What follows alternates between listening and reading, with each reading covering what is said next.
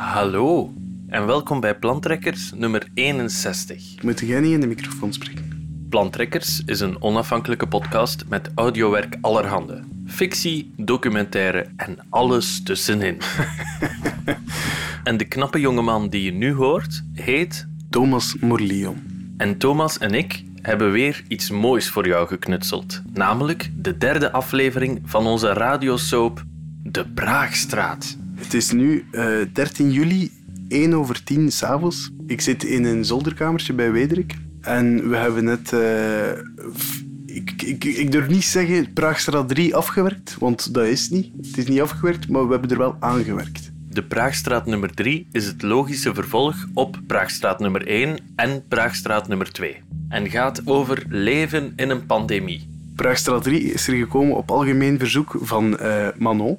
Die vroeg, wanneer gaan jullie nog eens een praatstraat maken? Ik denk dat Thomas hier eigenlijk Praagstraat bedoelde, maar niet zo goed kon praten. De praatstraat gaat over mensen met verhalen. Of soms ook helemaal geen verhalen, maar dat zal je wel horen dat er soms echt geen verhaal zit. En voor ons is de Praagstraat soms een klein beetje autobiografisch. Het moeilijke aan autobiografisch werk is dat je moet proberen ervoor te zorgen dat mensen geen medelijden met je krijgen. Maar het was voor ons heel erg leuk om te doen. Eh, Vooral in Praagstraat 3 vond ik het uitzonderlijk leuk om te schreeuwen. Dus ik, ik haal er loutering uit.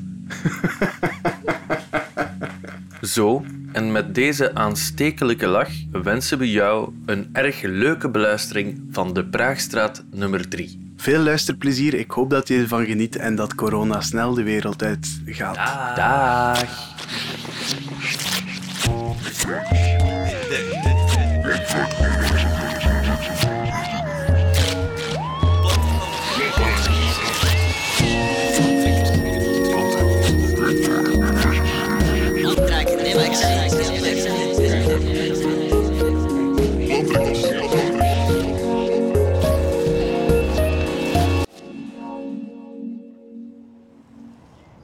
Corona is een vreselijke tijd.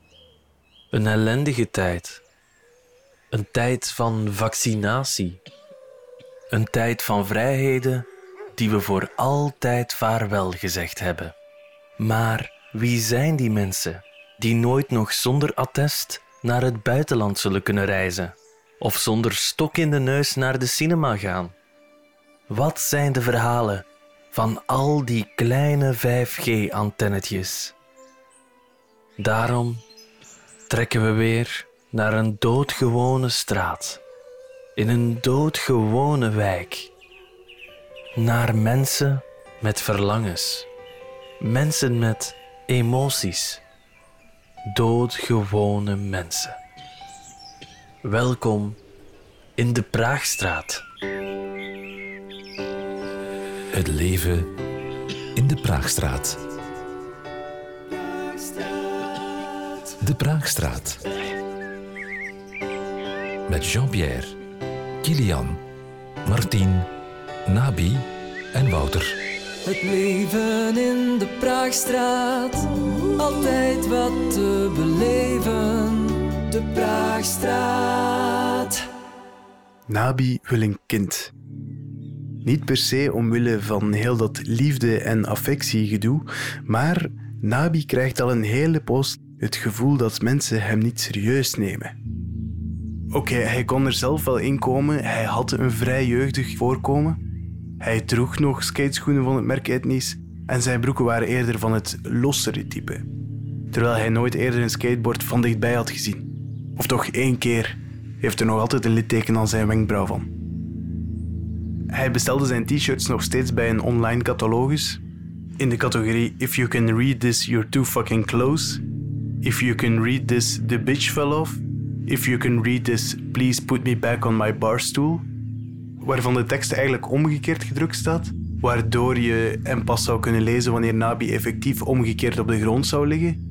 Wat raar is, want die t-shirt zou dan in principe over de kin zakken van Nabi, omdat er zoiets is als de zwaartekracht. En nog 15 andere If You Can Read This variaties. Nabi had vrij veel t-shirts. Al die t-shirts bracht hij elk weekend, enfin niet allemaal, enkel degene die vuil waren, naar zijn moeder om de was te doen. En, zoals je misschien al kon vermoeden aan de naam van Nabi, was hij niet afkomstig uit de Praagstraat, maar was Nabi een inwijkeling. Uit Marke, bij Kortrijk. En dan kun je denken, Marke bij Kortrijk, is dat niet heel erg ver weg van de Praagstraat? Dat valt best mee, 1 uur en 8 met de wagen. Alleen heeft Nabi geen wagen. En daarom komt zijn moeder Nabi elk weekend oppikken in de Braagstraat. Alleen heeft Nabi's moeder ook geen wagen. En dus kan je elke vrijdagavond Nabi samen met zijn moeder en een zak vuile t-shirts op een mobiletje zien passeren op de E40 richting Marken.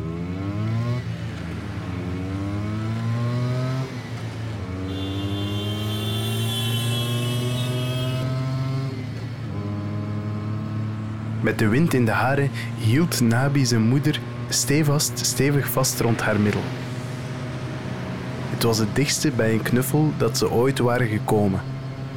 En daarom hield Nabi zo van die vrijdagse ritjes op de mobilette van zijn moeder.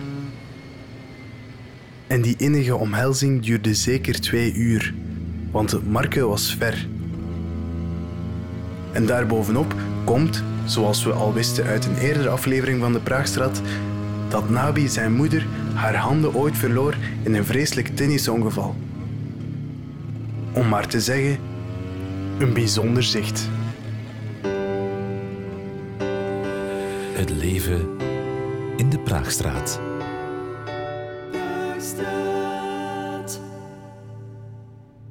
Er was ook nog Wouter.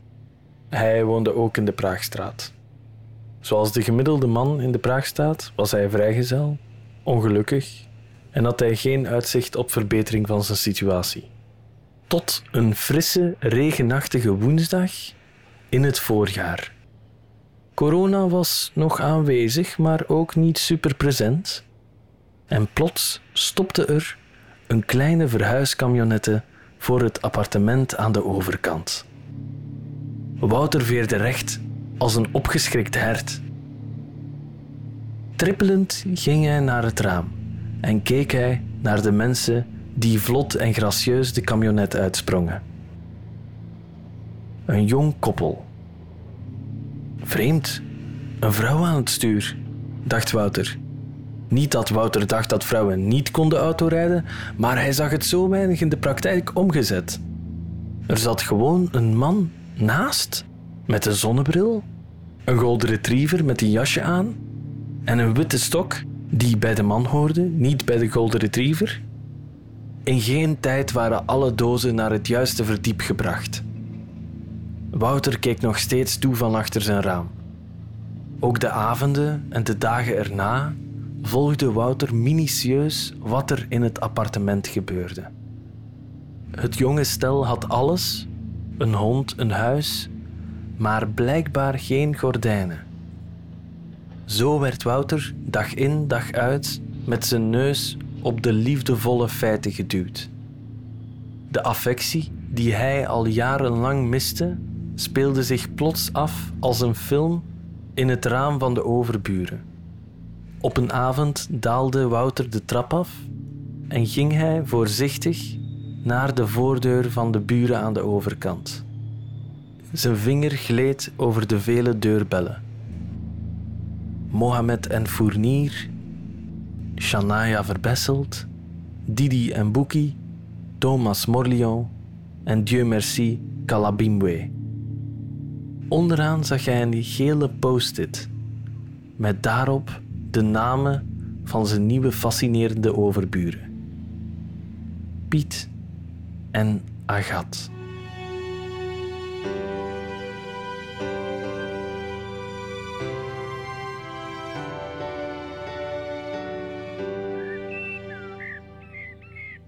Corona. Het perfecte moment voor een grote kuis. Martien staarde naar haar boekenkast. Ze zag een hoop boeken van haar net overleden in de vrieskast opgeborgen echtgenoot, Jean-Pierre. Die, zoals je je misschien nog herinnert uit aflevering 2, waar verwezen wordt naar aflevering 1, langzaam vergiftigd werd door zijn vrouw, om vervolgens opgeborgen te worden in de vrieskast van Martien.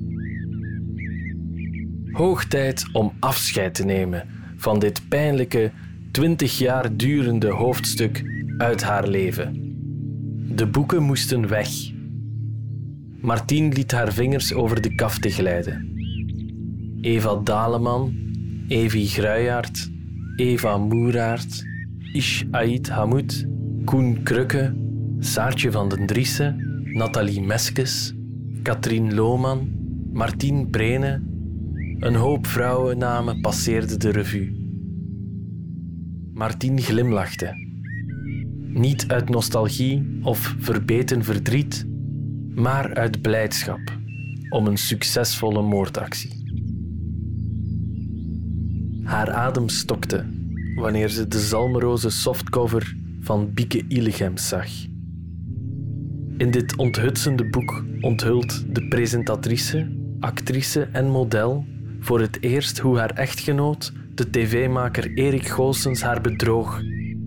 Het boek De zoektocht van een ouder meisje naar eeuwige schoonheid en groot geluk werd een groot succes en werd een jaar later opgevolgd door Gezondig, waarin Bieke de juiste balans probeert te vinden tussen wat gezond en ongezond is, voor lijf en voor hoofd.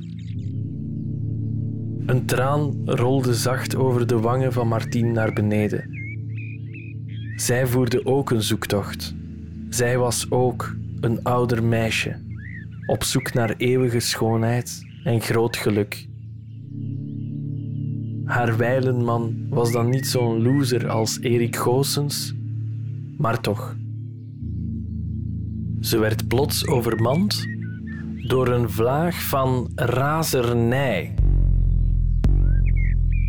Niet alleen op Erik Goossens, om wat hij Bieke Illegems had aangedaan, maar ook op haar eigen man, door haar al die jaren haar geluk te ontzeggen. De zalmroze kaft van de zoektocht van een ouder meisje naar eeuwige schoonheid en groot geluk raakte de grond, terwijl Martien een keukenmes pakte, naar de vrieskast liep en de punt in Jean-Pierre plantte. Het lemmet brak. Een bevroren lichaam is harder dan gedacht.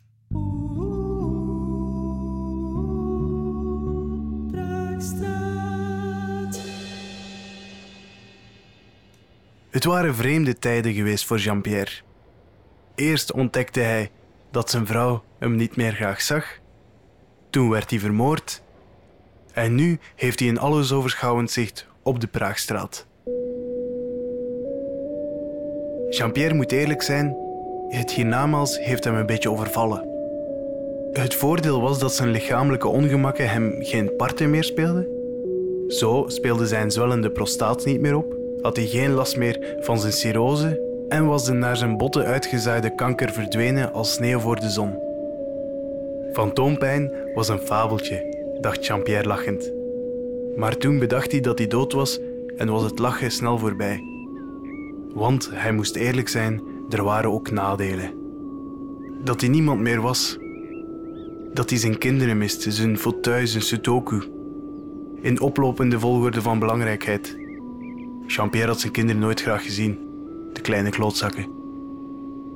En dan die verdomde muziek. Jean-Pierre zweefde naar het dichtstbijzijnde schakelaartje en zette de muziek uit. Ah, eindelijk rust. Terwijl Jean-Pierre achterover leunde tegen een wolk, zag hij beweging in wat nog steeds zijn huis was. Zijn weduwe was aan het staren naar het schap vol boeken die hij jarenlang had gespaard. Op dat moment raakte de zalmroze kaft van De zoektocht van een ouder meisje naar eeuwige schoonheid en groot geluk van Bieke Illegems de grond. Een boek dat Jean-Pierre graag had gelezen. Het was geestig, gracieus en ook hilarisch herkenbaar. Beneden brak een mes op de borstkas van Jean-Pierre. Boven brak zijn hart. Het begon te regenen in de Praagstraat. Het leven in de Praagstraat.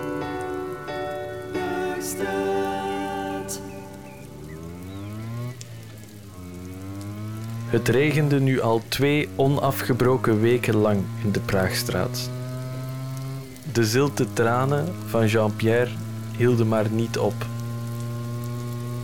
Zelfs Nabi's moeder begon te klagen over haar natte, zilte broekje. Nabi huiverde en vroeg zijn moeder om die zin nooit meer uit te spreken. En vanaf nu gewoon een regenbroek te dragen. Zag hem nu zitten, alleen, zijn moeder omarmend, op een bromfiets richting West-Vlaanderen. Nabi wist niet welk deel van die zin het treurigste klonk. Hij wou wel kinderen, maar welk kind zou hem willen? Daarom net overwoog hij adoptie, want daar zijn kinderen tenminste wel dankbaar. Nabi beelde zich al in hoe hij als redder op de luchthaven een ondervoed kind overnam uit de handen van twee wenende Indische mensen. Er zou een journalist meereizen van de krant van West-Vlaanderen, die Nabi zou brengen met de auto, omdat Nabi zelfs na het beëindigen van de adoptieprocedure nog altijd niet in het bezit is van een wagen. Nabi en zijn zoon zouden trots op de voorpagina prijken. Plots zouden zijn vrienden terug aanbellen en zeggen dat het hen speet dat ze Nabi ooit onvolwassen genoemd hadden. Vanaf dat moment zou Nabi als eerste gecontacteerd worden wanneer het gaat over de prijs van vastgoed, over de polissen van hospitalisatieverzekeringen en over welke soort gyproc ze best voor de badkamer gebruiken.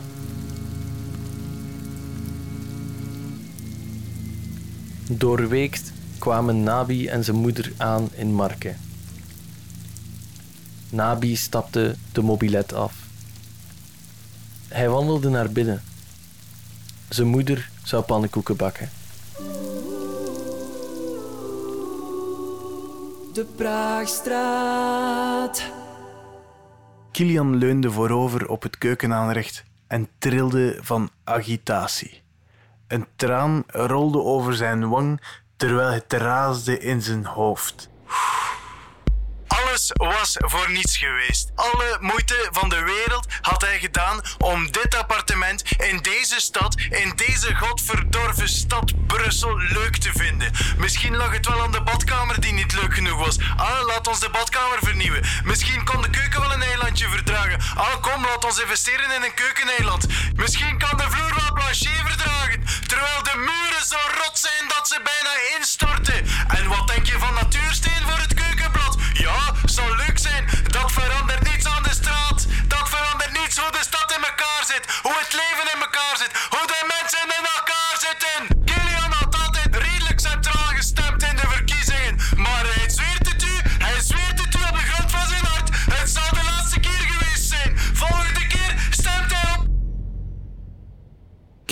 Maakte de gedachte niet af.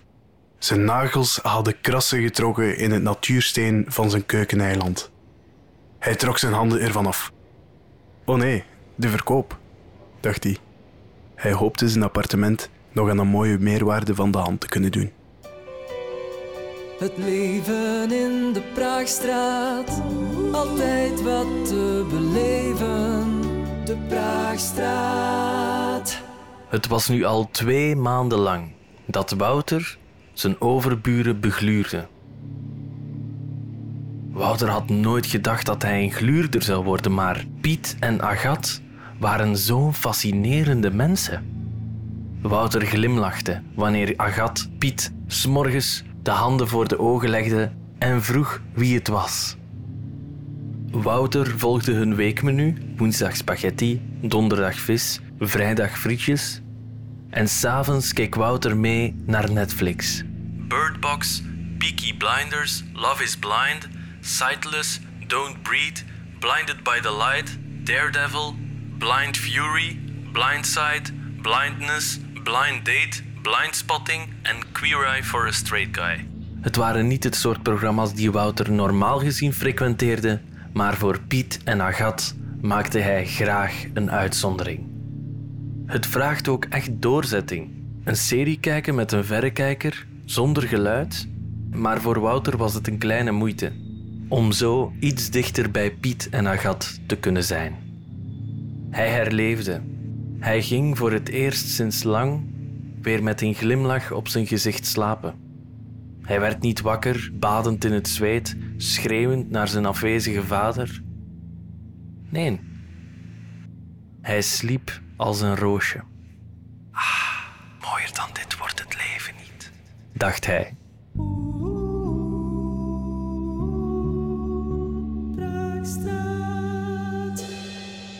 Eindelijk was het zover. Bezoekdagen. Kilian had zijn mooiste glimlach al dagenlang geoefend, terwijl de bezoekaanvragen druppelsgewijs binnenkwamen. Zaterdagochtend 10 uur. De eerste kwam binnen. Kilian hield het 10 minuten vol, maar trok zich vervolgens terug in de badkamer.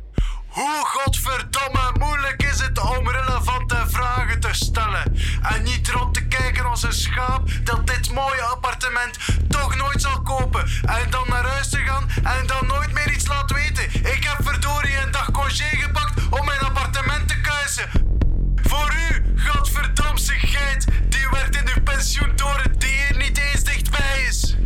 Ik ga in deze straat komen wonen om daarna elke ochtend naar de andere kant van de stad te rijden? Wie hou jij voor de zot? Mij niet! Buiten! Kilian zag de zweetdruppels van zijn voorhoofd parelen in de bewasemde badkamerspiegel. Hij wandelde de keuken in en zag zijn vrouw staan. Ça va een beetje, schatje? Ja, ja. Uh, trouwens, dat kadastraal inkomen, dat is 1400 euro.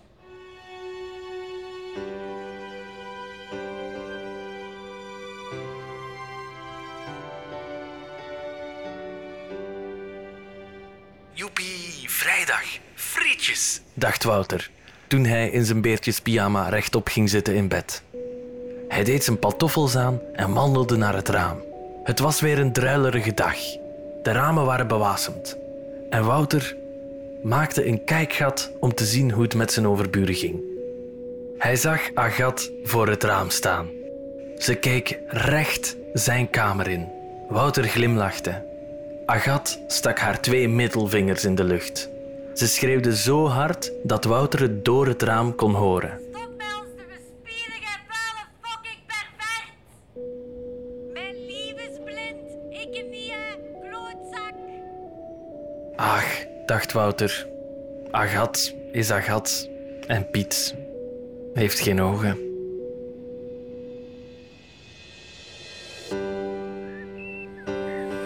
Het leven in de Praagstraat. De Praagstraat. Met Jean-Pierre, Kilian, Nabi, Martien en Wouter. Het leven in de Praagstraat, altijd wat te beleven. De Praagstraat.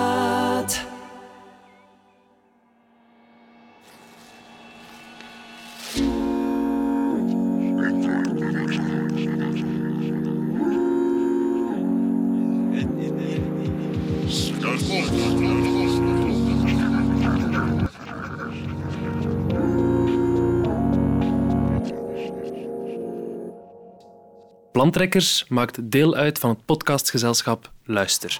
Luister. Kijk zeker eens op luister.be met een y.